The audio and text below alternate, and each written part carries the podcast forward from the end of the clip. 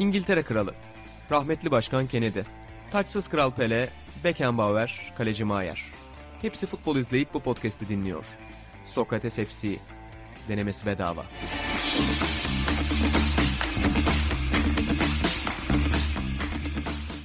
Sokrates FC'den herkese merhaba. Orta Doğu ve Balkanların en çok futbol konuşulan podcastinde ben İlhan Özdemir, Buğra Balaban ve İlhan Özgen'le birlikte ve Atan Altınordu'nun günlüğüyle birlikte, sevgili günlüğümle birlikte Yadigarı.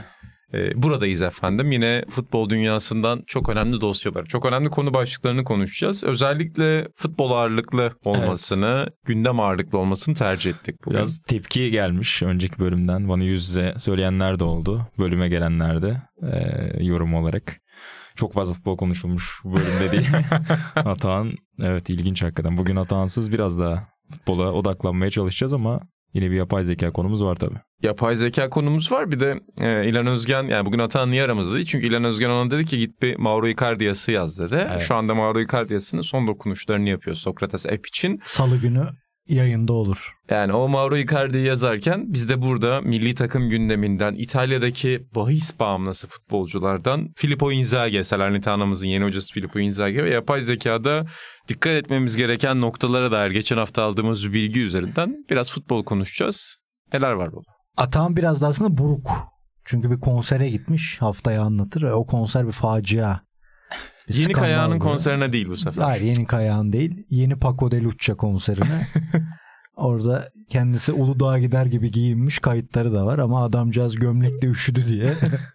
Gece 1'de bizim gruptan birini podcast dışına itmeye çalıştı ısrarla. Milli takım kazanınca. Keşke ben de olsam. Özellikle o ikinci, üçüncü golle beraber. Bir de bahane de bitmiyor. Önce diyor ki konser konuşmak için diyor. Yani sanki bizim konser review gibi bölümümüz var. Çok Müzik bölümü. Her hafta gittiğimiz konserler konuşuluyor sanki. Ama bugün çok fazla konu var. David Beckham'a dair İlhan Özgen'in Evet. çok sert bir Çok mesajı sert var. çıktı. Ee, Benim gördüğüm en sert eleştirisi bugüne kadar. Kalan bölümleri izleyemedim sonra. O kadar sert bir yorum ki. Hakikaten sert bir yorumdu. Ee, Bütün bunlardan gideceğiz. Ve burada 96'da bir milli maç heyecanına gideceğiz. Öyle de bir Sonda mı gidiyoruz baba ona? efendim Sonda mı gidiyoruz? istediğin zaman sen seç. Burada da bir 96'da o milli duygular nasıl Atağının gözünden aktarılıyordu, görülüyordu onu göreceğiz. O zaman Montella'dan başlayalım. Çünkü bu podcast aynı zamanda bir İtalyan podcast'i. Tabii. Sizin uzun yıllar Signor ne diyor hem futbol tarihi hem İtalya Ligi de konuştuğunuz düşünülürse ki şimdi baba Doruk'la Evet, birlikte onu yapıyor. Burada sizleri de bulmuşken biraz Montella hocayı konuşmak istiyorum. Çünkü Türk futbolunun üzerine bir güneş gibi doğdu. Ee, Stefan Kuntz'u bizimkiler yolladıktan sonra... Yapıldı hocam? Stefan Kuntz'la yollar ayrıldıktan sonra Montella çok görkemli bir giriş Yüreğini yaptı. gibi girdi diyebilir miyiz? Hakikaten çok görkemli bir giriş yaptı ve e, milli takımı 2024'e götürdü. E, Burak senden önce bir Montella yorumu alacağım. Yani burada ciddi bir sihirli dokunuş var mı yoksa Kuntz'la ilişkiler koptuğu için olduğundan daha mı kötü görünüyordu takım? İkincisi bence bir de şunu düşünmeye başladım. Galiba milli takımlarda artık uzun vadeli hoca olmuyor. Devinim yapıp işte Şenol bir. Güneş'e de hatırlıyorsun yani inanılmaz bir etki vardı. O Fransa maçı, Hollanda maçı falan sonrasında bir anda iş sarpa sardı. E Kuntz'un da işte yeni çok tatlı Türkçe konuşuyordu. Sonra bir anda terse döndü. Montella da bence hani bir 2-3 seneye e, iyi ser ihtimalle orayı görürüz. Avrupa Şampiyonası çok kötü geçerse belki hemen arkasından yine tepkiler görürüz. Bence bizim için önemli bir sınav da başlıyor futbol severler için. Takımı abartmamayı başarabilecek miyiz? Yani 2020'de hepimiz yaptık. Ben de yaptım. Dün izliyorum 3'ü atıyoruz falan bir hoşuma gidiyor oyuncular. Dur diyorum tamam bu hatayı yine yaptın. Tekrar yapma. kafamda. Hani o yüzden Berlin'de bütün stat Türk olacak falan. Şimdi o gazlar ister istemez daha şimdiden insana geliyor. Ee, ya o da o baskıyı taşımak da ya Mourinho'da olsan kolay değil abi. Olmuyor yani. Hiçbir hoca da o baskıyı alıp seni uzun yıllar bir numaraya taşıyamayacak. Yani belli gerçekler var. O yüzden biraz sabırlı davranmamız lazım. Hoca kim olursa olsun bunu yapmamız lazım. Yoksa ben hani iki haftada gelip mucize yaratıp öyle bir şey inanmıyorum abi. Bu olacak bir şey değil yani. Ha, ama dediğin konu Kuntz'la bağlantı. Evet belli ki oyuncular artık gideceğini anlıyorsa soyunma odası bir hocanın. Bence diğer sporlarda da böyle, basketbolda da öyle. Ya, çok kolay harcıyorlar. Yani en ufak bir problem ya bu hocayla olmaya bağlanıyor. Kamuoyu o izni verdiği anda oyuncuya bir daha toparlamak çok zor artık. Medyanın daha doğrusu sosyal medyanın gücüyle. Ya diyorsun ki burada bir sihirli dokunuş yok. Futbolun gerçekleri var. O gerçeklerin içinde iyi bir iş çıkardık ama olduğumuz yeri iyi tartmamız Evet ya lazım. tabii ki atıyorum Samet Akay'ın tercihini Kuntz belki yapmazdı. Hani daha muhafazakar davranırdı evet doğru. İşte Montella daha tanıdığı oyuncuya daha çok güvendi. Yunus hamlesi belki Leicester City'de oynuyor sonuçta. Güvenmeyebilirdi başka bir hoca olsa. Evet ya bunlar doğru cesur hamleler evet. Ama ya inanılmaz bir şey yaptı demek için abi iki haftada hiçbir şey yapamazsın yani. Öyle bir dünya yok. Hırvat maçında oyun stratejisini söylediğinin yansıması. Letonya maçında değişikliklerin pat pat pat e, Sonuç görevini vermesi. yapması, Hmm. sonuca gitmesi. Onlar da bir yani futbol şansı da diyelim biraz. Elbette ki antrenör bilgisi de var. Her şey şu an yolunda gidiyor. Ama Buğra'nın dediği doğru. Yani bir Euro'daki ilk maça bakar o. Bu adam futbolu bilmiyormuş mevzusu. Onun için Buğra doğru dedi ya. Takımı abartmamayı öğre- öğrenmek en iyi süreç bizim için. Şimdi ama Almanya dedin abi. Birincisi bak UEFA'ya orada teşekkür ederim. Çünkü bütün dünya futbol şampiyonaları, Avrupa futbol şampiyonaları Almanya'da Kesinlikle. düzenlenmiyor. Ve. İngiltere'de dönüşümlü. Ya Olabilir. Almanya, İngiltere, Fransa maalesef bu çok batı merkezci bir bakış oluyor ama yapacak bir şey yok. E, Statları vaktiyle iyi yapmışlar. Şehir planlaması güzel. Ekranda izlerken mutlu oluyoruz yani. Alıştığımız statlarda o maçların oynanması hoşumuza gidiyor. yani. Fakat şey de acayip bir motivasyon. Yani Almanya'ya gittiğinde oradaki taraftar sayısı olarak avantajdayız. Müthiş. yani Tak yazıyorsun oraya. 38 yaşına geliyorum. Bir hadi 32-33 yıl olsun bu spor merakım. Hep bu avantajımız var. Nasıl gaza geldiğimi şöyle anlatayım. Berlin'deki bütün maçlara çekiliş açtı bu arada UEFA biliyorsunuzdur belki. Çok fazla talep olacağı için e, girip bilet alamıyorsunuz. Çekilişe giriyorsunuz. Çekilişte çıkarsa bileti alabiliyorsunuz. Dedim çekiliş bedava. Benim babam sayısal lotocuydu uzun yıllar. Çok severim böyle çekilişleri. Hemen girdim. Finale kadar bütün Berlin maçlarına çekilişine girdim. Devam ediyor mu çekiliş? Tabii. Devam ediyor olmalı. Hemen Hemen, not alıyor Çekilişe gir. Berlin çekilişine gir. Aynen. O girdik bekliyoruz bakalım. Berlin'e çıkarsa eşimiz dostumuz da var orada. Kapılarını tonalisi. Buğra oldu bize. Ay, biraz da bize bu işler. Beyler bakın Yani Sarı kart şu anda hayatımda en girmeyi istediğim çekiliş bu oldu. Abi Yani evet. benim için o yüzden. Buna dahil olacağım baba. Peki Montella bu Reagan kadar... Başkan'ın Sovyetler Birliği fıkralarını hatırlat. Bana öyle videolar atıyor. Gece 2'de Reagan'ın Sovyet Reagan'ın şakaları geliyor. Ve özel bölüm Ha, yapmak lazım. Aynen. Ya şey de var ama o futbol kültüründe o İtalya'da da vardır. Hoca değişti mi bir iki maç böyle bir şimdi bizim Salernitana'da da bunu görebiliriz. Hoca değişince niyeyse bir e, işlerin yolunda gitme durumu. İki Kuntz geldiğinde birçok kişi e, Almanya'da yaptıkları elbette gözden ırak bir durum olduğu için belki hani ne yapmış ki denebiliyor. Montella'nın bunu kanıtlayıp buraya gelmesi de bir bakıma güven atmosferi oluşturmuş olabilir.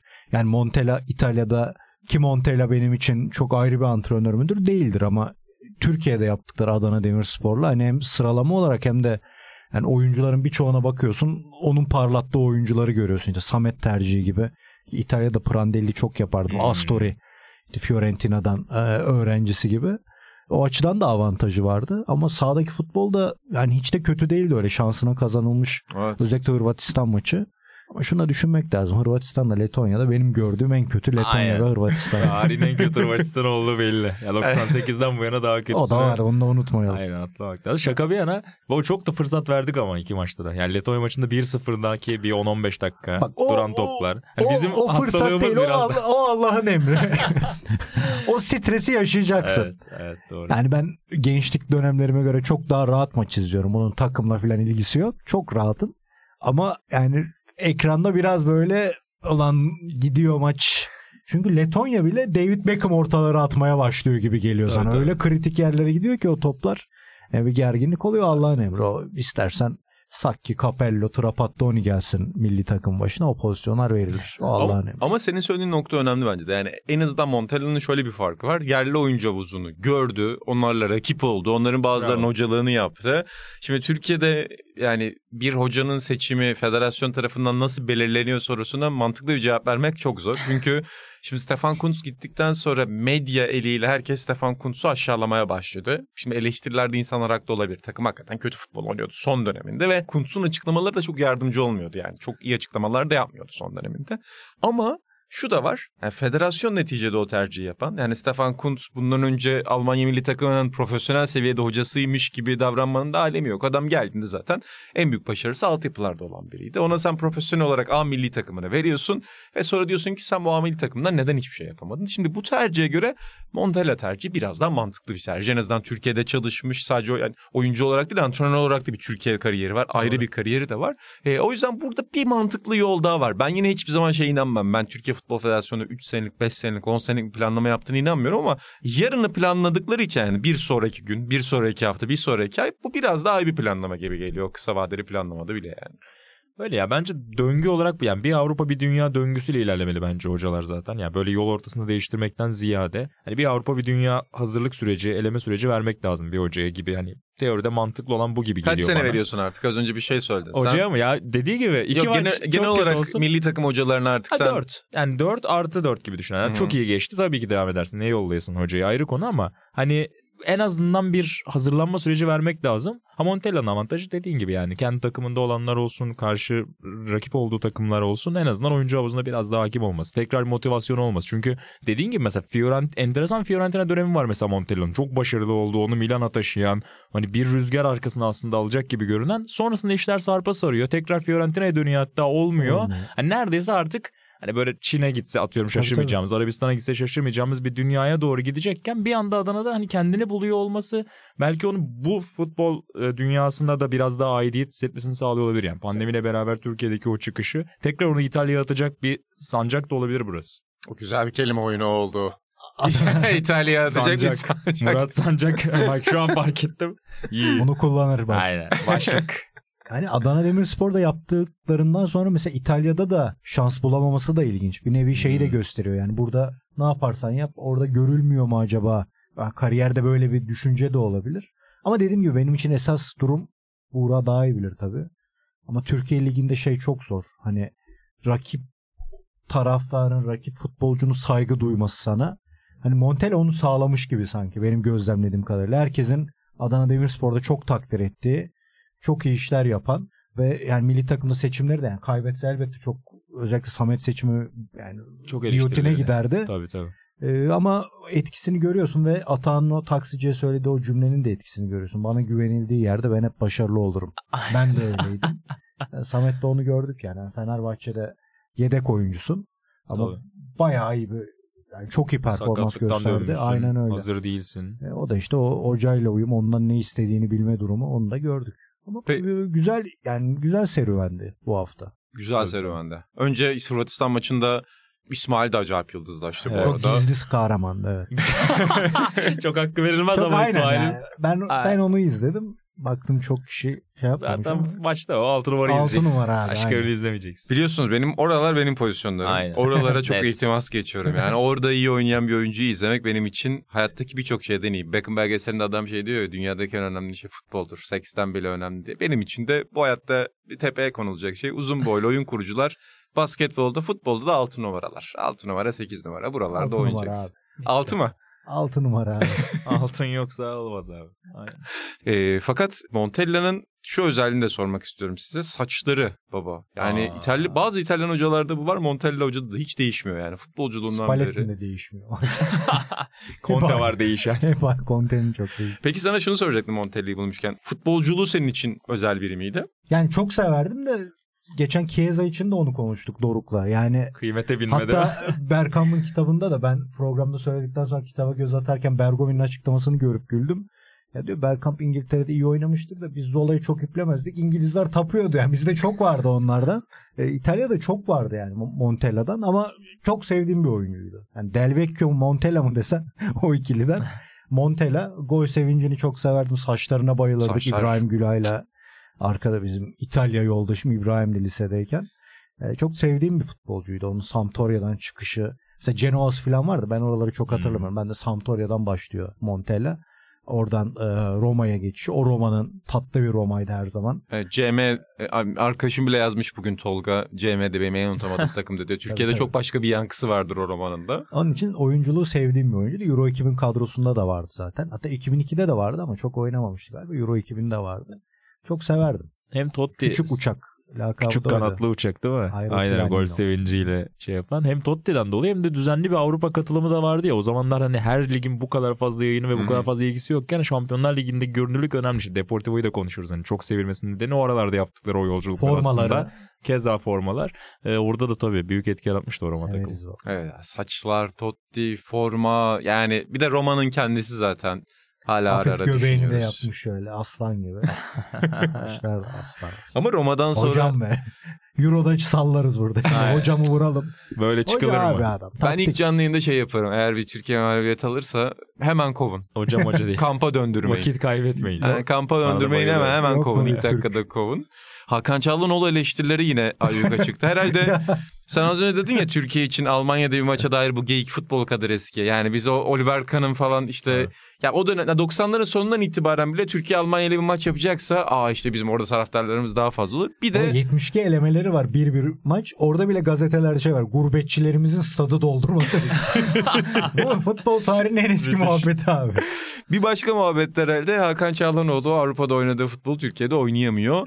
Ne diyorsunuz eleştirilere? evet. Bir güzel paradoks ama zaten burada konuşan ve röportaj yapan ve orada yanıtın bir kısmını alan biri varken bence İlan cevaplasın. Hakan'ın en yakın dostudur. Tabii, Onda tabii. en çok İlhan Özen Aa, eleştirir. En çok da Hakan'ı ben O eleştiririm. yüzden. O yüzden. En çok da. Evet. Ya ben anlıyorum tepkileri bu arada. Haksız da bulmuyorum. Ama adamın da bir açıklaması var hani bir yandan. Buğra'ya katılıyorum. Yani ben Hakan Çalhanoğlu Milan'dayken en çok ben eleştiriyorum. çok iyi arkadaşım olmasına rağmen. Bu arada bu bir geyik arkadaşlar. Gelişim spor. Ay, yanlışlıkla Aynen. aynen. Ya burayı ikisi de alsalar falan. Aynen. e, Hakan, Hakan, da kim lan bu? o Kenan Sofoğlu'na Sofoğlu, verdiği cevabı sana verse. Kardeş sen kimsin diye. Ondan sonra ama Inter'de Inzaghi'nin özellikle oyuncular üzerindeki bireysel performans etkisi ben hepimize de bir İtalya Ligi özeti yazdım. Çok güzel bir Evet. İtalya günlüğü. Eksik olma. Aylığı daha doğrusu. Orada da Inzaghi'nin oyuncular üstündeki bu etkisinden bahsettim ki Buğra'yla da biz Inter'i böyle azıcık manevi olarak torpilli izliyorduk. Ee, Bu yönü hakikaten çok önemli bir hoca. Hakan'da da belki de simgesi yani bu oyunculara dokunuşundaki simge. İşte Acerbi'si, Dimarcus falan var ama Hakan. Ha, Hakan Milan'dan geldiğinde kaleye yakın işte Arda Güler tarzı oynatılan hatta Gattuso kanat oynatıyordu zaman zaman o orta sahadaki eksilme durumundan feragat etmek için yani kanada atayım en azından diye. Yani kaleye olabildiğince yaklaştırmaya çalışan bir oyuncuydu. Inzaghi önce onu 8 numara gibi kullandı. Bu sene de Brozo özellikle geçen sene Brozo sakatken 6 numara gibi kullandı. Ve böyle olunca yani Hakan o bitiricilik tarafı elinden aldı. O pas yeteneği, o topa hakimiyet tarafı ve savunmasını da ekledi buna. Oralar eklenince Hakan Inter'de çok ayrı bir oyuncu. Ya dönüştü. Yani dünkü performansa haklılar. Yani birkaç tane kontrada geçiş oyununda iyi paslar bıraktı. Ama olması ya o numarayı 10 numarayı giyen bir oyuncunun oralarda o topu aldığında offside goldeki Evet. gibi bitirmesini bekliyorlar. Bu da normal. Çok. Yani anormal ya bu kadar da eleştirilmez demiyorum normal. Ama bizim röportajda da Hakan onu söylüyordu. İnsanlar beni eleştiriyor ama o iyi göründüğüm yapıdaki oyuncular beni tamamlayan oyuncular. Onun için orada kendim olabiliyorum. Milli takımlarda performans veremiyorumdur bundan. Ya o da bunu söylüyor zaten. Ee, ama dediğim gibi yani ben ya bu futbolcu değil de demiyorum. Milan'dayken çok yani çıldırdığım maçlar oluyordu ama Inter'deki performansıyla katiyen öyle bir şey hak eden bir oyuncu değil. Çok kıymetli bir oyuncu. Ama Şampiyonlar Ligi finalinde de yine Tabii. sahanın en kötülerinden biriydi. Ee, dünkü yani Letonya maçında özellikle eleştirilmesi de haklıdır. Ama dediğim gibi bunun burada ne işi var da biraz fazla. Çünkü Inter'de cidden özellikle iki sezondur çok kıymetli bir oyuncuya dönüşmüş durumda. Ya çok zor bir durum hakikaten. Yani oyuncuların isten mesela senin bahsettiğin offside pozisyonu, topun üzerine Tabii, tabii. atlayış biçimi, Tabii canım, ver aynen kaçı yani, alışı evet. onu bitirse mükemmel bir jenerik ama işte bitiremiyor. İnsanlar da o sonuca bakıyor. Sonuçta Tabii, tabii. taraftar da orada hakikaten sonuca bakar yani. Ve o sonucu görmeyince de kızıyor yani. Ama hoca olarak da gelmişsin düşünsene şimdi. Tak ilk maçı Hakan'ı Hemen keseceksin. Ya yok abi. Çünkü İşte abi. Doğayan hocasın. Aa, mesaj. Ama hakikaten zor. Ayrıca özür dilerim yanılıyorsam da Avrupa'da top oynayanlar arasında en formda oyuncu olabilir Bir ya. Daha, var. daha formdası var mı Avrupa'da oynayanlar arasında? Vallahi kimler de oynuyor ben Vallahi kaybettim şu anda. Yani Yunus fena açmadı sezonu ama sonuçta Premier Lig değil alt ligde. Hani Championship'te bu sene Leicester. Düşünüyorum başka. Ruat O kafasıyla bir şey yapıyor ama o da Türk futbolunun büyük ismi Ruat Akkuş da yok. Yani. Merih Çağlar onlar zaten Hepsi nerelere gitmiş. önceki yıllara kıyasla dediğin gibi. Yok Onun yani. için yani öyle Ozan kesmek Kabak de- formdaymış galiba ama ben orayı kaçırdım. Yok o da hani Yani oynamadı kesmek zaten de yürek ister bir Evet şey yani. O- Avrupa'da yani Tabii, iyi tabii. diyorlar kulübünde ama hiç Hiçbir fikrim yok bu oyuncuda da. O yüzden o yüzden yani ha, belki Montella- Arda geldiğinde oraya Arda'yı koyup daha onu Hakan'a- konuşuyorlar şimdi. Yani, Yani kupadaki elbette. kadroda belki yani Tabii muhtemelen Arda'yı düşünecek Hakan kupadaki niye kadroda. nasıl alınıyor gibi bir geçecek? şey de yanlış abi o kadar da sert olmamak lazım. Hakan niye alınıyor dediğin adam İtalya'nın yani lideriydi. Verdi liderliği de yani en iyi iki takımından birinin oyuncusu, oyun kurucusu. Bana hala hamle oyuncusu gibi kullanır gibi geliyor Arda Güler'i. Yani sezonunu sakat, sakatlıklarla açmışken şimdi nasıl bitirecek? Bir de Real Madrid'de ne kadar sezon nasıl bitirdiği önemli. ilk 11'i alacak o da çok kolay değil. Hani böyle bir iki sakatlıkta hani öyle bir sezon geçişi olursa çok zor abi. Şimdi emanet et milli takımla turnuvaya çıkmışsın. Al on numara bir de senin. oradan baskıya. Ama E, çok, çok zor. zor. iş abi. Çok o, zor o abi. çok zor iş. Bir de Hakan'ı da kaybedebilirsin. E yıllardır bu takımın içinde eminim ki hani Hakan'ın eşi dostu takımda vardır ya böyle olur hani bu işler. Bir anda alıp bir adamı oturtmak oyundaki gibi olmuyor. Etraftaki moral etkisini de düşünmek lazım. Onları da biraz eminim ki koklayacaktır Montella bu süreçte. Ama şimdiden kupadaki ilk tartışma konusunu gördük bile. Hakan Aynı anda Güzel oynar Abi sonra. de aynı anda oynar be. Aynen Arda oynayacak mı oynamayacak mı? Çünkü Arda gibi bir yeteneği kenarda tutmak da bir hoca için Bakın belgeselinde görüyoruz bunu. Evet. Çok zor bir şeydir. Yani bu tip oyuncuları Yerler çünkü kamuoyu onu görmek istiyor. Hatta o, o takımın kendisinden bile daha fazla oyuncuyu izlemek isteyen çok fazla insan var. Bir yabancı antrenör olarak onu yönetmek çok zor mesela. Aynen. Bizde de böyle anlarda başka yetkililer hiçbir zaman ortada görünmez. Her zaman da antrenöre bırakırlar onu. Neyse O ki yüzden Arda İtalyan ve yabancı değil bu durumda. Evet. Yani zaten her şeyi tartışma olan bir ülkeden geldiği Aynen için son derece normal karşılayacaktır. Milli takımda bir çocuk daha var. Hangi takımda oynuyor bilmiyorum. Yani büyük takımların alması lazım. Ferdi diye bir çocuk. Çok özel bir Bu yetenek. çocuğa dikkat. Nerede oynuyor bilmiyorum Ya iki ama galibiyet dün gazeteyi işte- aradım ve hemen söyledim. bu Vereceksin Guardiola baba çocuğa. Bu çocuğa dikkat edin. Her dedim. pozisyonda oynatır. Çok iyi oyuncu. Bir hafta Şaka orada bir yana. oynatır, bir hafta öbür tarafta Ben bu oynatır. sene Napoli'ye gelmesini bekliyordum. Napoli biliyorsunuz şey gibi. Fenerbahçe attı oltayı bekliyor. Bütün gün Fenerbahçe maçı izliyorlar. Çok acayip. O şakalar da abi gerçeğe döndü artık her bekliyordum. yaz. Yani bekte kullanırsın, içte kullanırsın. Metin Özge'nin ayrı bir hayranlığı var bir Fenerbahçeli olarak. Ama ben de milli maçlarda ve Çınar nedeniyle babam geldiğinde zaten ev şeye dönüyor. Dere ağzı tesislerine habire Fenerbahçe'yi evet. Fenerbahçeli günlerim gibi oluyorum. Onun için beni zorla oturtup bak Ciku'ya bak Ferdi'ye bak diye izletiyor. Hakikaten çok iyi oyuncu ama. Ne Hakan ne Arda diyorsun o zaman on numara Ferdi'nin mi diyorsun? Ve ona? İsmail dikkat edilmesi lazım. İkiliye dikkat. Baba benim kuzenlerimden biri de yani bizim ailenin çoğu Galatasaray ama kuzenlerimden bir tanesi Fenerbahçeli. O da dere ağzına çeviriyor eve bizim eve geldiğinde küçüklüğümden beri. Şöyle oluyor programımız. Bir de hani ben spor medyasına uzun yıllar önce girdiğimden beri hep hani benim de izleyeceğimi düşünüp sabah kalkıyoruz kahvaltı yapıyoruz. Fenerbahçe voleybol maçı. Arkasından Fenerbahçe kadın basketbol maçı. Sonra Fenerbahçe erkek voleybol maçı. Arkasından da Fenerbahçe futbol maçını Büyülü izliyoruz. bir gün ya. Şöyle 8 saat bir blok atıyor. Arada bir dışarı çıkıyoruz, dondurma alıyoruz, geliyoruz. Bu kadar bütün gün Şimdi- programımız. Ben laptopta zor maç izliyorum. Onun için televizyon lazım. Ve işte maç izlerken arada Çınar baba çizgi film izleyeceğim diye geliyor. İşte kıramıyorum açıyorum. Git odana oğlum ne maçı. Metin Özgen Vakıfbank Fenerbahçe maçı izlerken Oo, Çınar o maçı izlerken benzer bir talepte bulundu. Dedeciğim özür dilerim ben maç izliyorum dedi ve olay kapandı. Son derece doğru bir. Aynen ebeveynlik. Son Budur. derece doğru bir büyük. Babalığı öğrendim orada da. Ay, Artık aynen, ben de ders. böyle. Hayır denebilecek bazı anlar var. Onlardan biri de bu. Spor Bu izler. hafta sonu Salernitana Monza izliyorum yavrum özür dilerim. Ya Orada Biraz öğrensin. hayır denmeyebilir ya. O şimdi düşününce. Çıkışa geçeceğiz oğlum dur. Aynen, serbest düşüşteyiz. Peki buradan sizi Inzaghi demişken diğer Inzaghi ile Inzaghi'ye mi geçelim? Inzaghi üzerine Versen. İtalya mı yapalım, Beckham mı yapalım? Hangisini isterseniz. Hadi Inzaghi yapalım burada. Şimdi sen az önce bir Inzaghi etkisinden bahsettin ama sahte Inzaghi yani yanlış Inzaghi. Ha. Diğer Inzaghi'nin etkisinden bahsettin. Simeone'den bahsettin. Bizim takım Salernitana Filippo Inzaghi'yi takımın başına getirdi ki futbolculuğu bizim için antrenörlüğünden biraz daha unutulmaz diyebiliriz Filippo'nun. Nasıl bir antrenör aldık? Salernitana toparlanır mı? Başkan şöyle düşündü herhalde. Gol Kazanmayı. atamıyoruz. Gol atam yani bilen biri lazım. E dediler ki başkanım Filippo Inzaghi olur mu? Olur dedi. yani onu diyecektim. kazanmayı bilen bir hoca Aynen. istemişler ve Filippo'yu getirmişler bitti. Onun da saçlar aynı. Yani Onunki daha da şey. ilginç. Daha da fena. Simone deniyor onun saçlar. Topçuluğunda da öyleydi. Maşallah var ya. Yani Filippo Inzaghi'nin antrenörlük dokunuşu nedir? Yani mesela Coverciano'da nasıl bir Tezi- tez yazmış? tezini üzerine. 2-3-5 üzerine yazmış ve öğrendim. Mesela Öğrendin offside'a düşmeme. Kaynaklarıma kontaklarıyla konuştum baba. Coverciano'da. Hiç yok mu mesela kariyeri? Yani bu takıma dokunur mu? Çünkü bu takımın çok dokunmaya muhtaç bir durumu var Sozla hocadan sonra. Yani hoca bizi öyle bir virane durumda bıraktı ki ben Salernitana... Polonya'ya gitti. Monza maçı mıydı en son izlediğimiz Salernitana? Ve Polonya. Ne, ne maçıydı? Monza'ydı değil mi? Monza'ydı yani. Hakikaten futbol tarihinin en korkunç mücadelelerinden birini ortaya koydu. Belki hani yeni antrenör hevesi, yeni antrenör dokunuşu İtalya'ya da gelir. Sen Çok- gelmez. Çok umutlu değilim. Çok Senin umutlu çok değilim işimiz. Filippo Hoca'dan. Hani milli takımlarda o güzel oluyor rüzgar da bizim takımla biraz zor gibi geliyor. Bizim sene. takımın ligin ikinci yarısı Walter Zabatti'ni kurtarırsa kurtarır. Aynen. Yoksa işimiz zor. Öyle bir hamle lazım. Bizi bitiren Premier Lig oldu o yalnız. Diallo'ya bu transfer transfer bir karıştırdılar ortalığı. Sezon başında bir birbirine girdi Doğru. kulüp. Desantis'in açıklamaları. Arkasında durduk o dönem biliyorsunuz ama soyunma odası demek ki çok iyi karşılamadı. İstemiyor. Yani soyunma odası demek ki diyor ki ben bu sene düşeceğim. Düşeceğim, Bir düşeceğim. seviye ve havası alalım diyorlar. Beyler korkuyla yaşamaktansa Ya da- altta rahat rahat ben bir yaşarız. de şöyle bir şey bekliyorum. Şimdi bizim takım şey rahatlığına girmiş olabilir. Ulan bu şike işinden zaten birkaç takım düşer. Biz her türlü kalırız. Çok da top oynamaya gerek yok ama İtalya'da öyle bir güven de doğmuş olabilir. Mümkündür. Ama şey garantimiz yok. Salernitanalı hiçbir oyuncu bu işe girmemiştir.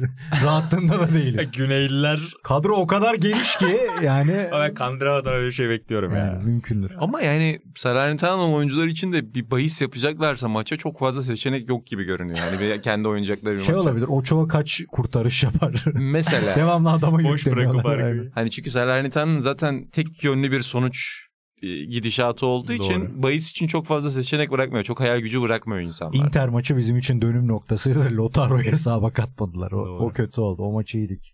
Dört tane yiyince aynı anda. Aynen. İkinci yarı dağıldık. Peki İtalya'daki bahis skandalına ne diyorsunuz? Yani şimdi Fagioli, Tonali, Zaniolo, milli takımın ve İtalyan futbolun genç ve iki tanesi özellikle Premier Lig'de oynaması hasabıyla çok önemli oyuncuları. Burak senden başlayalım. Hani bilmeyenler için bir özet rica edeceğim. Zaten profesyonel futbolcuların bahis yapması yasak. Hani FIFA, Tabii. UEFA ve İtalya kapsamında. Ama bu oyuncular biraz ile hem de illegal sitelerden bahis yapmışlar gördüğümüz kadarıyla değil mi? ya bari hani ne bileyim. Şöyle özetleyelim. İtalya'da bu tabii 24 yılda bir olurdu normalde ama biraz frekans düşmüş. Bir de Dünya Kupası öncesinde oldu. Evet ya bir büyük Euro turnuva öncesi yapacaksın. Bizi üzdüler bu konuda. Evet yani çok da büyük bir oyuncu da işte Premier Lig oyuncuların Tonali'ye 80 milyon euro bonservis verildi. Yani bir bayrak oyuncu 79'unu basmış herif iddiaya. bayrak oyuncu olacak. Hani Milan'da dediğimiz onu yakıştırdığımız şampiyonluk alan bir kaptan pozisyonuna sokabileceğim bir oyuncu. Hani böyle büyük profillerden çıkması ilginç. Yani alt liglerde böyle şeylerin olmasına ben çok şaşırmıyorum açıkçası. Yani bu kadar büyük bir dünya olmuşken bunlar maalesef olabiliyor gibi geliyor bana ama ya bu oyunculara ihtiyacım var. Sen Juventus altyapısından çıkıyorsun. Belli ki önünde bir yolu olacak. Tonali çok genç yaştan itibaren zaten herkes üzerine titriyor. Hani nasıl bu işe girerler? Hani kumar bağımlılığı diyorlar. İşte özür dilemiş mesela Tonali ve e, psikolojik destek alacağını söylüyor bu konuyla alakalı. Abi git poker oyna ya. Yani Jordan'ın uçaktaki klasik bahisleri, kumarları ya birçok Ganyo şey var abi. neydi? O ma- bağımlılığını, gambling. Atağının. Neydi? Ne? Ganyo. Ganyo. Ganyon King Ganyon muydu? Ganyon'dan ne? King oyna yani Ha. aynen. Hani 20 bardak kahve. çok paket yolu var sigara. gidip burada hani spor bahsi yapması ilginç. Sen dedin ya oyuncuların yapması yasak. Onu geç. Liglerle çalışan, uluslararası federasyonlarla çalışan herhangi birinin yapması. Mesela işte ben Euroleague'e bazen freelance bir şeyler yapıyorum. Bizim dahi imzaladığımız hani şeyler var. Gidip hani bahis yapmayacağına dair bir Hmm. taahhütte bulunuyorsun. Yani bırak oyuncu olmayı Hani sonuçta sen parkedesin hani bir konuda bilgi almış olabilirsin edebilirsin diye insanlar ona bile garanti altına almak istiyor doğal olarak hani uluslararası e, hukuk bunu gerektiriyorken sen çıkıp yani en üst seviyede futbol oynayan biri olarak hakikaten aklım fikrim almıyor. Çok garip avukatı da Tonali'nin şey demiş galiba zaten. Poker, black, jack falan oynadı demiş galiba. Maçta onu dediler ama ondan sonra Fagioli'nin e, hani Juventus maçlarına değil ama Serie A ve Şampiyonlar Ligi maçlarına bahis yaptı ortaya çıktı. Hey, Onda avukat eyvallah. şey demiş en baştan anlattı. Tombala oynadığımdan başladı Ay, falan. ben böyle. Juventus'a oynamam falan demiş de yani baba. Ulan O da bir belli olmuyor Juventus diye oynamıyor. Ya bir de oyna yani. Bizim aynen. sağımız solumuz belli olmaz şimdi oynanmaz bize. E tabii işte Ivan Toney'de falan da konuşuldu ya sarı kart görme E, muhabbeti. Paketa'da oldu. E, Paketa'nın Paketa'da sürekli oldu. Şeyde 94'te var, sarı kartları. Abi orada Bilerek inanamıyorum ya. Lan böyle bir şey yapıyorsun. 94'te mi yersin abi kart? Abi Ye işte inanılmaz bir 80'de şey. falan yani. O da saçma. Çok ilginç. Baba sen biraz anlat. İtalyanlar buradan bir başarı çıkarır genelde. Öyle bitirelim. 2020'de de Çıkardı şimdi yarın mı 17'sinde işte İngiltere maçı. İngiltere bir yenerse görürüm o başarıyı. Başarıyı. Zaten fark da var gene gidemeyecekler bir şeyden. Doğru söylüyorsun öyle bir problem var. 82 Dünya Kupası zaferi, 2006 so- yine zafer ki iki büyük şike skandalı. Ee, şikeyle alakalı değil ama pandemide en çok etkilenen ülkelerden biri İtalya. Oradan çıkıp olimpiyatta tarihi başarılar, Avrupa şampiyonluğu. Hani buraları hep böyle bir bir araya gelip başarı devşirme kültürü olan bir ülke ama Arada bir mini sonucu- mini Totonero var 86'da. O çok alt Şey alt tar- it- Allodi biraz Hmm. yargılanır. Kalanı alt lig takımlarıdır. Onun için Onu da şeyden olmamış. anlatmıyorlar. Bak ulan İtalyanlara bak. Ben de hep 82 2006'yı biliyorum. 86. 86'yı Yazık. kimse anlatmamış. Udinese falan düşürülüyor. Abi 86'da da olan yeni daha şey bitmemiş. Ya biter mahkeme mi ya bitmemiş. biter mi? 3 yıldan Kanında tekrar. var. E, Doni vardı hatırlıyorsan 2002'de. O da sonra Atalanta'da ceza aldı. Doğru söylüyorsun. Signori'nin çıktı. Demek ki bu ülke Yani bu- bahsi seviyor onu söyleyebiliriz. Evet evet John Foot'la röportaj yaptığımızda o bahis olayını hatırlıyorsun. İtalyanlar için köşeyi dönme ve futbolla yani kulağında teyple sahile gidip ailenle zaman geçirirken bir yandan da işte Toto Calcio sonuçlarını dinleme bir kültürdür o. Hmm. Belki de o kültürün devamı bu. Şeyde Ancelotti de öyle bir şey söylemiş yani bu bir hastalık kumar bağımlı ve bu oyuncular bunu çok normal algılayarak bu sektöre giriyorlar spor alemine. Çocukluktan başlıyorlar ve normal bir şey olduğunu düşünerek devam ediyorlar. Nerede olduklarını bilmeden gibisinden. O da doğru biraz yani. Hani e, ne var bunda?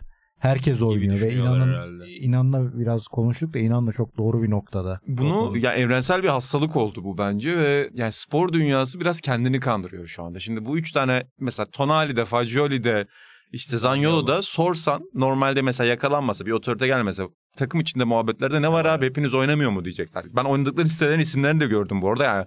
Ulan o kadar da geri... Oradan yani oynama bak.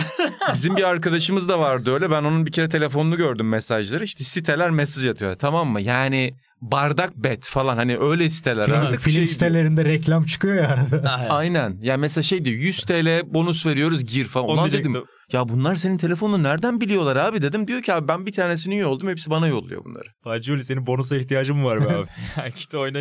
Akıl almaz bir şey ama bu bir evrensel hastalık ve dediğim gibi spor dünyası çok daha kötü bir yere gidecek. Çünkü işte geçen sene, geçen sezonla birlikte Amerikan sporlarına da bu iş girdi artık. Hmm, Eskiden sadece Vegas'ta yapılıyordu bu bahis. İşte atıyorum pek çok filmde Vegas'ta biraz kriminalize edilerek gösterilir Aynen. bahisçiler. Bir işte aksiyon filmlerinde ya da suç filmlerinde gösterilir. Ancak şu anda yani NBA'in en ünlü gazetecileri, en ünlü podcastleri bahis reklamı alarak bu işi yapıyorlar. Şimdi Avrupa futbolunda da öyle dünya mesela ben Jonathan Wilson bunu kimseye kötülemek için söylemiyorum ama Jonathan Wilson en popüler dönemindeyken dünyanın en önemli kitaplarını yazarken haftalık maç rehberim diye bir link paylaşıyordu. Linke giriyorum bizde yasaklı. Bizde de çoğu Bahis yabancı site evet. yasaklı ya. Şimdi abi Jonathan Wilson'ın yazısını, bahis yazısını okuyamamak ayrı ama adamın bahis yazmak zorunda bırakıldığı bir dünyada olması da başka bir problem. Mesela NBA bunu şeyden yaşıyor abi. Bu sene NBA draftında Wojnarowski ile birlikte en büyük iki tane işte en çok olay yaratan haberleri yayan iki gazeteciden biri Shams Karanya. Herkes şeyi merak ediyordu. Draftta ikinci sırayı kim alacak? Yani ikinci sırada Scott Anderson'ı mı seçecek Charlotte Hornets ya da Brandon Miller'ı mı bahis de seçecek? açılıyor tabii ki. Ve bahis de açılıyor bunu. Shams Karanya son gün ikinci sıradan Brandon Miller'ın seçileceği belliyken şey diye tweet attı. Şu anda yarışta ne olduğu belli değil. Scoot'a da gidebilir, Brandon Miller'a da gidebilir. Bu arada FanDuel'da şu oranları var bunların dedi. Şimdi milyonlarca doları kontrol ediyorsun sen böyle yaparak. İnsanları kaosa şüpheye sürüklüyorsun ve yaptığın şey etik açıdan aslında inanılmaz sakıncalı bir şey. O yüzden televizyon kanalları, kulüpler, federasyonlar hepsi bahis şirketleriyle iş yapıyor. Hepsi bahis şirketlerinden sponsorluk alıyor ve şeyi bekliyorlar. Bu kültürde doğmuş büyümüş 13 yaşından itibaren bu kültürün içine girmiş futbolculardan Ve sadece Aman o sitelere girmeyin. bakıyoruz. Kim bilir diğer sporlarda da neler var. neler ya yani sen senin bütün sporunu bahise bağlarsan ve bahis sektörünü neredeyse spor sektöründen daha büyük bir hale getirirsen Fagioli de oynar, Tonali de oynar, Zaniolo da oynar. Bundan 10 sene sonra daha fazla genç futbolcu ve genç sporcu oynayacak yani. Bir de şey diyorlar hani hadi bahisi boş ver hepsi o kadar çok saçma salak kripto işi de yapıyor ki. Yani bu çocukların kriptoyla bahisle çok erken yaşta tanışması bu salak saçma siteleri formaların üzerinde görmesi varoluşlarının bir parçası oldu artık. Bakalım ne çıkacak buradan. Bahsettiğin Amerikan sporlar olayında şeyleri falan görmeye çok başladım bu ara mesela. İşte hakem istatistiklerine bakıyorlar. E, e, diğer eyaletlerde legalleştikten sonraki iki sezona bakıyor mesela. Hı. Bir takımın galibiyet oranı aşırı düşmüş işte falan. Bu hakem acaba bahis mi yapıyor gibi. Ya işte hakem en böyle adaleti beklediğin mecra öyle bir şüpheye düşürüyor seni ki kesin olabilir yani hiç şaşırmıyorum. Birçok belgesel de var zaten benzer şeyi yaşayan. Ve şu abi dediğin konu çok yani doğru hani insanlar böyle tuhaf gelmiyor içindeyken zaten. Bir de kendi oynamış bunlar iyice artık abartmışlar ama eşine dostuna söyleyen Tabii. bilmem ne yapan hani anladın mı? Ya bu oynamayacak bugün atıyorum. O bilgiyi sonuçta soyunma odasında herkesten önce alıyorsun. Ee, ya da antrenmanda görüyorsun hani iyi hissetmiyor oynamayacak muhtemelen. En büyük yıldızın oynamaması demek her şeyin değişmesi demek mesela. O bilgileri falan da aktarmadıklarına inanmak zaten e, çok şey yani çok naif. Bu arada ben şey de demiyorum yani aa bahis bütün kötülüklerin anasıdır. Çünkü yani biz de bahis dünyasının içine doğduk. Ben ya, çocukluğumdayken iddia Türkiye'de popülerleşti ve yani Juan Kaanlar o bültenler Ha. falan yani bizim lisede Dostoyevski'den daha çok okunuyordu. Yani Eren diye bir çocuk vardı. Bütün gün bülten yapardık mesela. Yani o yüzden benim çocukluğum iddia bayilerinde çok çoğu zaman geçti yani. Ama bunun sıkıntılarını insanlara belirtmek lazım. Yani bunun böyle insanlar çünkü sporu takip ederken şey diye düşünüyor. Çok sıkıcı bir şey söylüyorum şu an biliyorum da abi ben sporu takip ediyorum hepsini bilirim diye düşünüyor da öyle olmuyor abi o işler yani. O yüzden bu işin biraz iki ucu keskin bıçak olduğunu anlatmak lazım yani. Bir de Bir de- akrabalar var. Sen sporun içindesin. Ha. Bu sonuçlar ne olur? tabii tabii. Hani bilsem zaten Ama onu ben- diyeceğim. Zaten e, az önce onu söyleyecektim unuttum. Şantaj gibi bir durum var bir kere. Ya o çok sıkıntı. Ya bu oyuncuları sonuçta birçoğu hata yapmış olabilir 16 yaşında, 17 yaşında. Birçok hata olabilir bu. Yani birine şiddet uygulamış olabilirler ki bazılarının haberleri çıkıyor. Başka şeyler olabilir ve basına çıkmasını istemedikleri şeylerden ufak bir elini kaptırma durumu olabilir. Ve bunu işte dediğin gibi bahiste kullanılabilecek bilgiler olarak üzerine gidip üzerine gidip üzerine gidip onları oraya da çekme hikayeleri çıkabilir mesela. Hepsi için demiyorum. Hiç herkes masum değil ama birçok hikayenin arkasında bir yandan da böyle şeyler çıkıyor. Çünkü aptal değil abi. Yıllık o 3 milyon 5 milyon euro kazanırken hani bahiste onu ikiye katlamak bilmiyorum. Çok makul bir şey değildir bence oyuncular için. Sadece onu para için yapıyor gibi değildir. Bir kısmı belki bu tür bir şantajın da Hmm. içinde yakalanmış olabilir. Bir kısmı duygusal bir şantajın içinde olabilir. Dediğin gibi şimdi aile üyesi. İşte kardeşi diyor ki ya bilmem ne. Annesi diyor ki bilmem ne. Yani Zanyolu'da anne muhabbeti de var. İtalyan yani. basınında. Sen bekliyordun bu arada. Zanyolu'nun annesinden öyle bir şey galiba. Ben Zaniolo'ya hiç şaşırmadım bu arada. Fagioli ve Tonal, Hmm. özellikle Tonal'den beklemezdim değil mi? Büyük şeymiş o tabii. O kadarını bilemeyiz ama Zaniolo'nun ben kariyerinin böyle saçma yerlere gideceğinden falan şaşırmam yani. Çünkü öyle bir adam. Hmm. Çok ilginç ya. Ve şimdi bir buçuk senelik falan eğer suçlu bulunurlarsa bir sene bir buçuk sene falan ceza alabiliyorlar. Yani 14 ay, 15 ay, 16 Evet. ay ceza alabiliyorlar. falan da var diyorlar değil mi? İşin içinde. Valla her gün işte İtalyan gazeteci adını unuttum bir isim açıklayacağım. Paparazzo. Acayip şov Büyük yapıyor. paparazzo değil mi? Büyük ya lan. İtalyanlar da gerçekten yani Allah 20 sizi 30'da bir kahretsin. isim daha açıklayacağım. Allah kahretsin. Mourinho'nun takımından birinin amcasından öğreniyorum falan. Bilgileri de öyle alıyormuş falan müthiş. Sonra bir de şey demiş. Homoseksüel futbolcuları açıklayacağım falan. Adam ya inanılmaz. nereden nereye geldi? bir dur be adam şu haber bir bitsin. Bir de paparazzo demeleri çok hoşuma gidiyor. Neydi Matteo Bil- Matteo Corona mı öyle bir şey? Aynen, Aynen, korona, korona, korona. korona. Aynen Corona. Paparazzo Paparazzo. Corona. Ha, leş bir adam olduğu çok belli onun da ya. Hakikaten. Leş bir adam yani. Ama bakalım nasıl çıkacaklar buradan. Elini de büyük adam bak. Bir filmle bir terim uyduruyor adam. Yani. İnanılmaz Tak. bir şey. Değil mi Dolce Vita'dan? Dolce. Dolce Vita'dan. Ne acayip bir şey ya. o. Baba orada bizim Marcelo'nun takıldığı kafeye de gittim ben şeyde. Sen de geçmişsindir Oo. oradan. Ee, Hoca gerçek görünce hiç şey olmuyor yani böyle. E, o, o, o etki vermiyor yani. Ama işte yani o dönemin Roma'sıyla bu dönemin Roma'sının da yani biraz da onun bence sinemadaki siyah beyazın büyüsüyle de ilgisi var. Tabii. Siyah beyaz her şeyi güzel gösteriyor. Zamanın ruhu dedi ve Renkliye geçmek sıkıntı yarattı. Renkliye geçilmeyecek. aynen. Biz de FC'yi öyle mi yayınlasak Club'da? Mümkündür. Siyah beyaz. Sadece arma renkli bordo. Biz siyah beyaz olabilir. Buradan size Beckham'a doğru götüreceğim. Çünkü şimdi Evet. paparazzo dedik. Ha. O da futbol ve magazini çok birleştiren bir Hem belgesel hem oldu. de ne birleştiren. Tilla. Yani Herhalde. gerçekten de öyle. Netflix'te zaten bu hafta bizim programlarda çok konuşuldu Beckham belgeseli. Hani son yıllarda bu furya çok arttı. Eskiden futbolcuların çok otobiyografisi çıkardı. Biyografisi Hmm. çıkardı. Yüzlerini gördük. Artık Artık, görsen. herkesin belgeseli çıkıyor. Bir belgeselci olarak İlhan Özgen hocam. hem bir belgeselci hem de bir Glenn Hoddle hayranı olarak çok şeyi söyleyeceksin Hocaya cadavu mu yapılıyor baba? Bize Ya bak açıkla. kardeşim şimdi. London Donova'nla tartışmışsın. Babanın söz hakkı var. Alex Ferguson'un var. Lan tüm aile Glenn Hoddle'a giydiriyorsunuz. Bir adama da bir mikrofon uzatsaydınız. Tek Glenn. Hoddle da değil. Dünyanın en sakin hocaların da orada yorum yapıyor. Terry Venables'tan tut da Rapson'a kadar. Onlar da takımı baltaladın diyor sana. Simone'nin o tuzağına düşmen biz çocuk yaştaydık. Bizi bile çıldırtmıştı. Belgesel bir süre sonra yaptım ama niye yaptıma dönüyor. Bu arada teknik olarak çok iyi. Beğendim. Babaya bayıldım. Hayalimdeki baba. Biraz Metin Özgen'e de benziyor. Hiçbir zaman aferin demiyor. Devamlı daha da zorluyor ve Beckham'ın kayıtları bilmem kaç bin maçı antrenmanı var diyor bir odada böyle. O açıdan belgesel de zaten baba yapmış yani. Vermiş kayıtları. Babalar koymuşlar kurguya. Ee, öyle hayran olduğum şahsiyetler var. Beckham'ın e, düzenli olması çok beni etkiledi.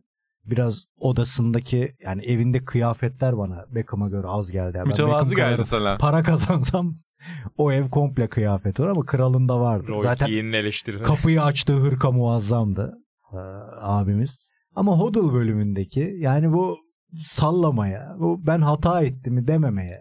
Yani hayatının maçına çıkacaksın gencecik çocuk. Sevgilin arıyor ben hamileyim diyor. Yani bunun sorgulanması gerekirken Hodl beni ateşe attı. E, Atar tabii adam. Adam bir şey demiyor ki ayrıca sana yani. Onun eksik bırakması sizi etkiledi mi? Evet etkiledi diyor. Evet etkiledi yani. Bunu biz de 13 yaşındayken görüyorduk orada izlerken. Onun için o mesela şey de öyle. Ferguson'la kavga olayı. İşte malzemeci diyor ki öyle dikişlik bir şey yoktu o yarada diyor. Sıyırdı geçti diyor. Bunlar dikiş attırıyor. Basına sızıyor dikişler. Ve öyle olay oluyor. Sonra London Donovan diyor ki işte kiraya gittiğinde Milan'a. Ha burada biz acı çekerken o orada falan filan böyle bir takım arkadaşı olmaz tarzı açıklamalar yapıyor. İşte ona kırıldım çünkü soyunma odasında olan soyunma odasında kalır. E baba sen Ferguson'u tüm herkesin önüne attın ya. Ona ne oldu? Severim Beckham'ı. Ama İyi arkadaşımdır. En çok da ben Ama eleştiririm bu konularda.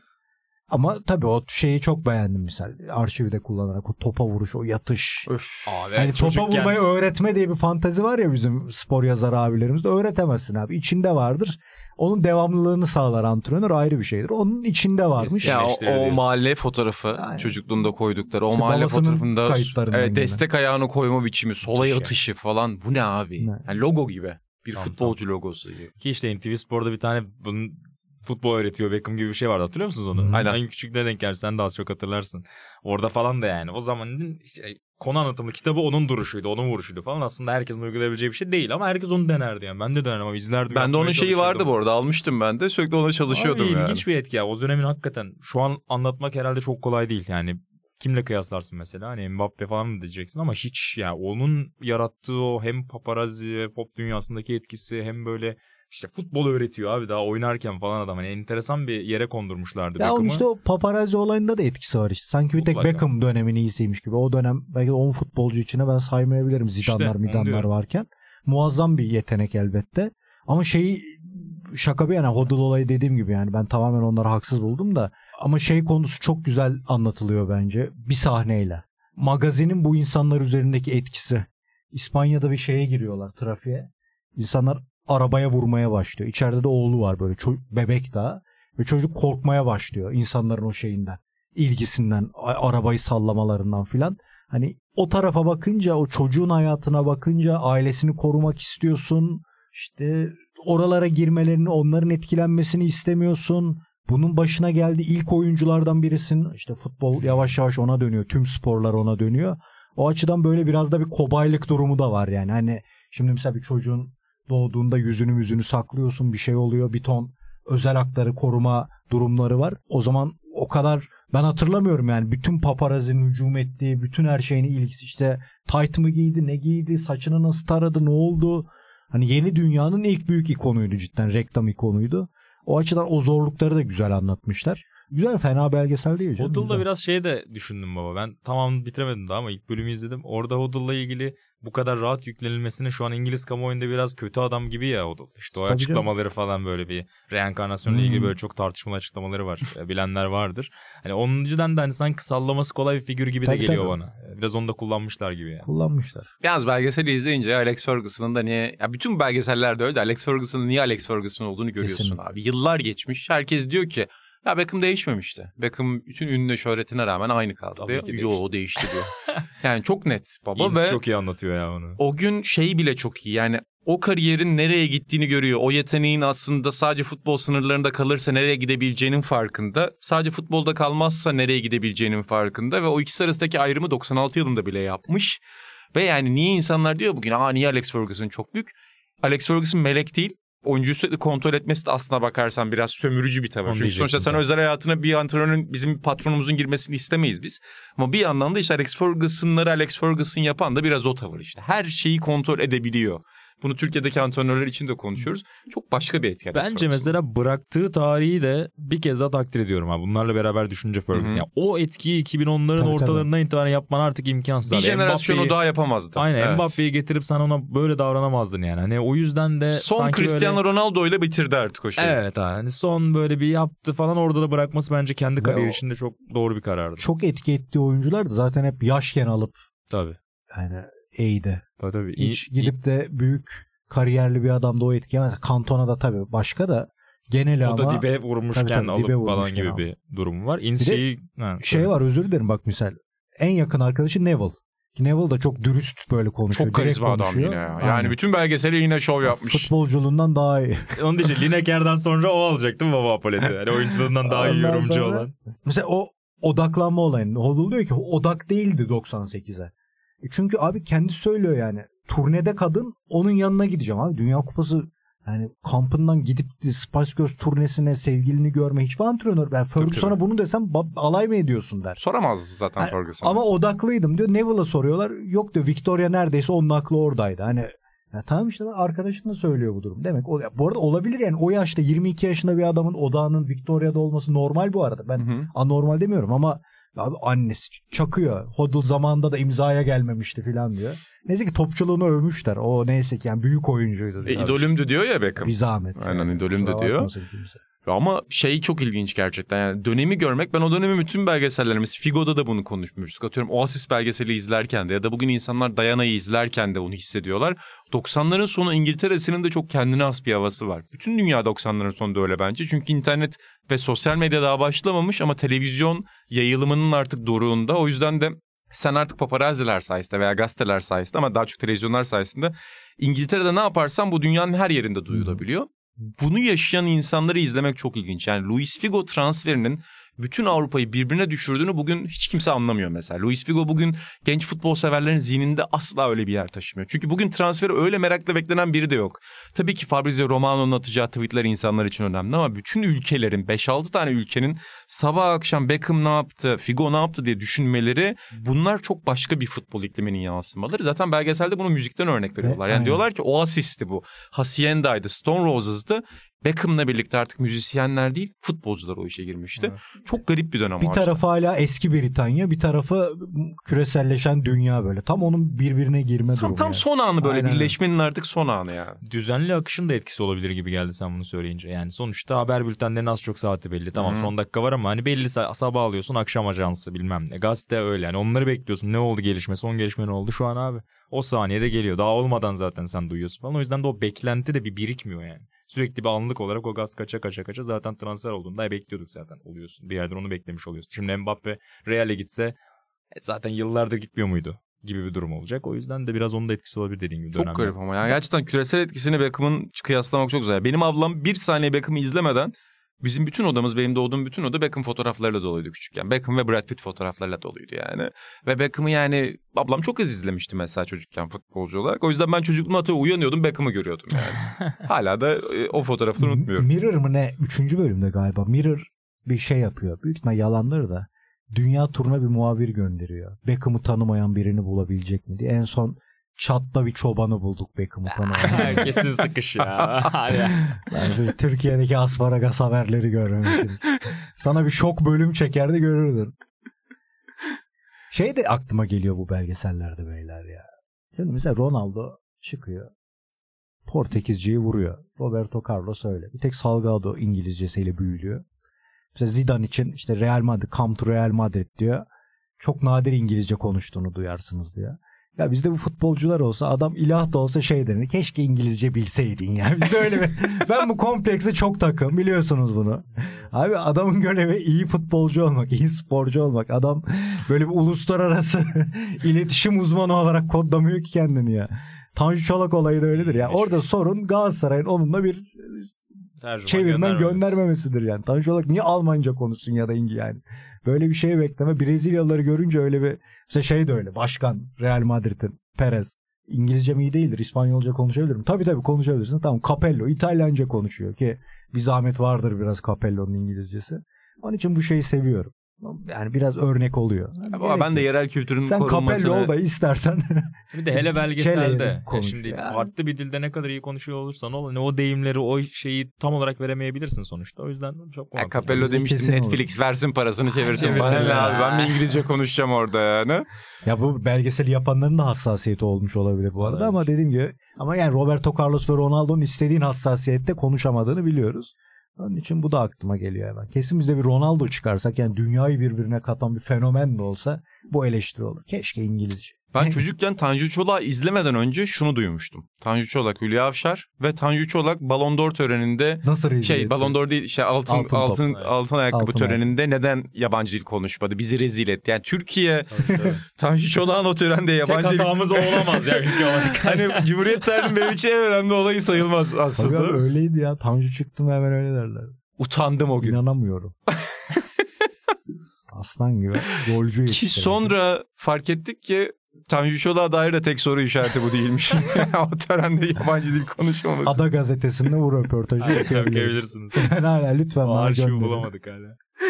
Belki yayınlanmamıştır ama. Ya ben adada yaşayan abilerimiz var. Birlikte şeyler hazırladığımız spora dair sohbetimiz olan. Onlar o gazetede de şeyler yani böyle işleri var. Onlar da hatırlamıyor. Anlamadım ben. Vallahi ilginç. Tanju abimiz mi bize yanlış aktardı? Ada gazetesi geldi diye bilmiyorum.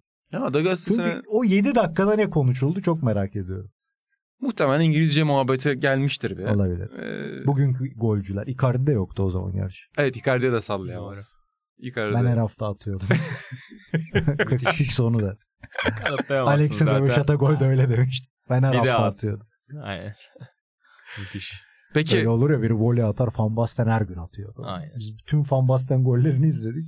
Hiç öyle bir şey yok. Yani çok güzel goller var da aynısından yok Sovyetler Birliği'nin Öyle hakkı. olsa zaten Baba hatırlanmaz. bir de eskiden yani mesela geçen kim koymuş bir arkadaşım koymuş Ronaldinho ile ilgili. Eskiden bir de hani orta sahalarda forvetler falan da öyle yani 20 gol atan çoğu sezon var oyuncunun. 50 gol falan da atılmıyor yani. Şimdiki manyaklık da yok. Messi Ronaldo manyaklığı da Evet. yok. O zaten yani bir daha da olmayacak abi. Evet. O ikisinde var o yani. Ya Haaland biraz sanki onu yapıyor Ha, gibiydi. Bu belki. sene mesela o da onun altında kalacak gibi. Şimdi Yani abi zaten 20 insanlar... sene 100 gol atamaz. Yani insanların 50 gol atmaya kolay göstermediği zamanlarda adamın attığı zaten 60 gol var oynayabildiği kariyerinde. E, onun da 25 tanesi röveşat olamaz. Mantığa aykırı zaten bu yani. ya fiziğe, biyolojiye falan aykırı yani. Yani o yüzden o yüzden falan. çok yani Tanju Çolak muhtemelen Tsubasa atamaz be kardeşim o kadar. Peki Beckham bugün oynasa hangi mevkide oynatırsın? Ben Beckham'ı isterse cilalı taş devrinde oynasın direkt oyun kurucu orta Regis saha. de Merkez yapıyorsun. mi? Baba Net. o orta kabiliyeti benim aklımı çeliyor ama ya. O da çok özel. Bu kadar ortayla özdeşleşen bir oyuncuyu sana her yetenekli oyuncuyu merkeze çekme e, savındasın tabii ki ama. Yok estağfurullah da yani çok iyi bir dağıtıcı yani pas dağıtıcısı olurmuş. ya. Ki zaten Ancelotti onu bazı bazı oynatıyordu Pirlo Ha, kariyer zaman. sonunda bir oynadı. Tabii tabii. Doğru söylüyorsun. Yani benim içimde hep ukdedir o taraf. Bir de ben kanat oyuncuları biliyorsun beni çok şey yapmaz. Yani Steve McManaman'ın bir de o durum var. McManaman'ın biraz formasını da almıştı Beckham. Belki de ondan kuruluyum Ha. Beckham'a. İyi arkadaşım. Bana kanat ama oyunculuğu saçma geliyor abi zaten. Yani bir oyuncunun bir çizgide oynaması kadar saçma bir şey. O futbolcu dediğin ortada Yani oynayacak Bu yani. kadar. Yetenekli. Aynen bana çok saçma Zidane da geliyor. orta atıyor. Oynuyor mu Hiç. o sahada? Peki bir gün Atahan aradı. Sizden para istiyor. Verir misiniz? Evet o haberi de Bu paylaşalım. hafta grubumuzun önemli gündemlerinden biri de buydu çünkü. Yani hiç sormadık biz ama Atan şöyle bir şey söyledi bize bu hafta. Kapatırken bu bilgiyi de dinleyicilerimize verelim. Çünkü onları da ilgilendiren bir durum. Tabii. Atağının sesiyle sizi arayıp biri para isterse inanmayın. Lütfen dolandırıcı. Çünkü e, sevgili Genco, Sokrates FC'nin de yakından tanıdığı bilim adamı. Bilim danışmanımız. şey yapmış Atağan'ın da sesini alıp podcastlerden ve konuşmalarından bir Atağan çıkarmış yapay zekada. Bir robot Atağan yapmış. ve hani şey diyor bu sesle sizi arasa biri benim sesim bu diyor. Hani para vermeyin diye bir uyarıda bulundu. Biz hiç sormamıştık hani böyle bir şey yapalım mı yapmayalım mı diye. Bana da yazısını okuttu. Kendi Bir de sesinden altına mi? şey yazmış. Ha. Atağan'ın sesiyle. Evet evet. İşte ben kayıt attım çocuklar çözsün bunu diye espri yaptı. Ben de biraz sert karşılık verince şaka yaptım baba diye anlatmış şeyi. Sen- Meğer böyle bir şaka Anladığım kadarıyla küfürlü bir cevap verdi. Biraz. e, bir de şey biliyorsun hep bize der ya WhatsApp'ta ses kaydı atmak karşındakine küfürdür diye. Ama atan hep ses kaydı atıyor. Evet. bir de özelde bana yazdığında bunu atıyor. Yani bireysel bir sövgü var. Ben orada. az önce baba seni bir noktada alkışlamak istiyorum. İlhan Özgen'in ne kadar sakin bir insan olduğunu diye az önce gördüm. Sinirli bir gününde farklı olabilirdi tabii. Sana az önce sevgili arkadaşımız Çağıl bir Beatles şeyi gösterdi. Evet. Ya o kadar hoşuma gitti ki son saniyede bir, bir ve öyle bir olgunlukla cevap verdin ki baba. Yani bugün Paul McCartney Beatles sorularına bu kadar kibar ve nazik yaklaşmıyor. O yüzden yepyeni bir İlhan Özgen var. Her şeyden önce baba çünkü artık. Eskisi gibi düşünmeyeceksin. Evet, yani o kadar sakin, o kadar kibardı ki Atağan'a Bir çocuk yetiştiriyorum. sert cevap vermesi şaşırttı beni açıkçası. Doğru. Atayım da sevdiğimden yani o Da. keranacı tarzı bir şey. Benim bir lise arkadaşım vardı bunu övgü sanıyor. Dedesi onu öyle seviyormuş. Keranacı lafını bir övgü, bir şirinlik sanıyordu. Halbuki yani kelimeyi köklerine ve eklerine ayırmadan öyle düşündüğü ortaya çıktı sonra. Peki baba günlüğümüzde ne var? Bir milli maç heyecanı yaşatacaksın. Evet, söz Var ve verdik. biraz suç niteliği yani Tonali ve Fagioli'nin yanına atan da girebilir. 24 Mart 96 ee, Kardağ'ın üzerinden birkaç ay yani daha kriz devam ediyor. Onun da devamında bir e, bağlantı olacak. 24 Mart 96 ile açıyoruz bugün. 3 gün arda arda bir şey okuyacağım çünkü çok bağlantılı yani. Koparamadım benim editörlüğüm yetmedi. Sevgili günlük merhaba. Bu günlüğün bir özelliği var. Tarihte en çok Galatasaray Fener maçları 96 ile 97'de oynanmış. Nasıl bir şeyse karşı maç var yani. Galatasaray Fenerbahçe'yi Cuma günü 2-0 yendi. Her zaman Hakan kafayla Arif ayakla atar. Bu sefer tam tersi oldu. Doğru düzgün atak bile yapamadılar. Bu arada 1 Nisan'a 8 gün kaldı.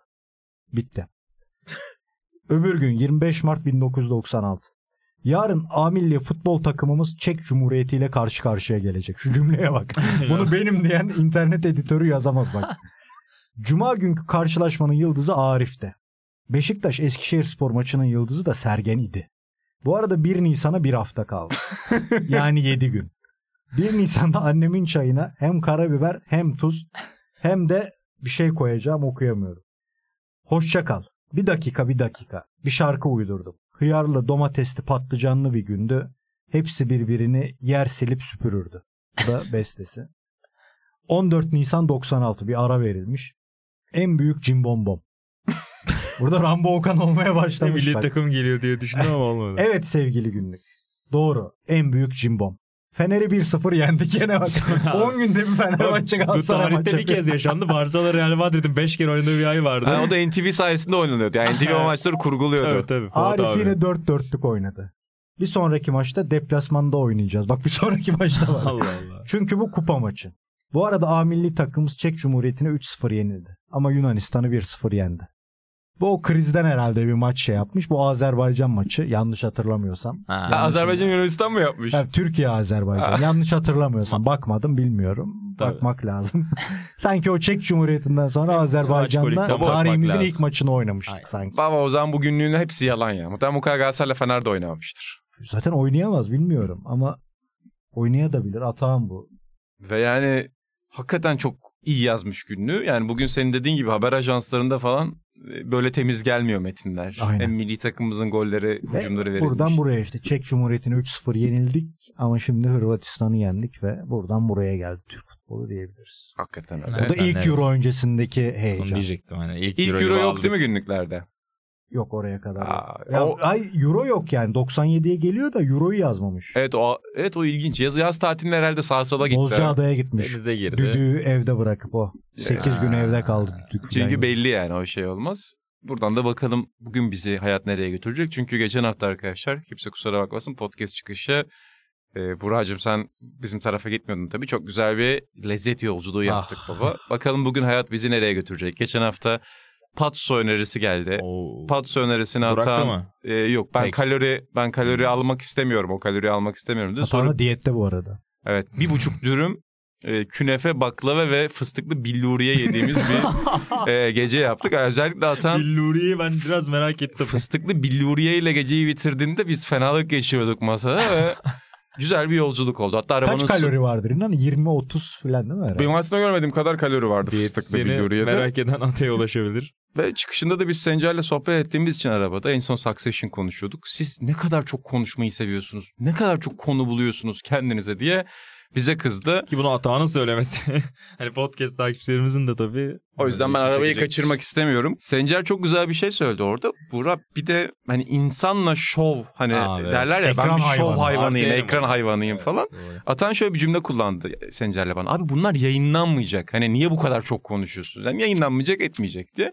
Ben dedim ki gerçek insan yayın dışında da insanlık yapandır dedim. Yoksa yayında herkes iyi insan Hiç. olur. Yayında herkes halkın dostu olur. Yayında herkes ben en sevmediğim 11'leri yapıyorum Evet, diye burada şey bir gibi. şov yapar. Ama sadece gerçekten iyi olanlar, sadece gerçekten insan olanlar yayın dışında da bunları yapar. Senior Meteor'a da bir izleyicimiz yazmış. Abi FC ne zaman başlayacak? Ben de işte yanlış insanlara sormuşsun. Ataya sorsan uzun uzun yazardı. Başlayacak dedim. Abi DM'lere cevap vermiyor dedi. Ya, çünkü yayınlanmıyor DM'ler. Aynen. Mentionlayıp yazsaydın Aynen. kardeşim Aynen. anında verirdi. Bakalım bugün hayat bizi patsoya mı, dürüve mi yoksa fıstıklı? yani, yemeğin adını doğru hatırlıyorum inşallah. Biraz, Biraz yani hani fıstıklı billuriye, bu isimden. fıstıklı billuriye'ye mi götürecek Çok hayat bizi ama çok teşekkür ediyorum arkadaşlar. İlhan Özgen ve Buğra Balaban. İtalya'daki bahis bağımlılığını konuştuk. Filippo Inzaghi dedik. Beckham'ın babasına kadar gittik ki İlhan Özgen de Çınar'ı öyle yetiştirmeyi düşünüyormuş. Bütün antrenmanlarını kaset altına alacak. Montella'yı konuştuk aynı şekilde. Sokrates FC'de her hafta farklı 3 kişiyle futbol dünyasına yön vermeye devam edeceğiz. Bizi sadece podcast'te dinlemeyin. Videoda da yani Sokrates Club'da da izleyin efendim. Bunun yanında Sokrates Epey'de üye olun. Atahan Nikardi yazısı ve İlhan Baba'nın İtalya günlüğü. Bunun yanında Buğra'nın Euroleague rehberi derken bu ara Sokrates FC ekibi olarak taşıyoruz hepi. Siz de bize katılmayı unutmayın lütfen. Hoşçakalın.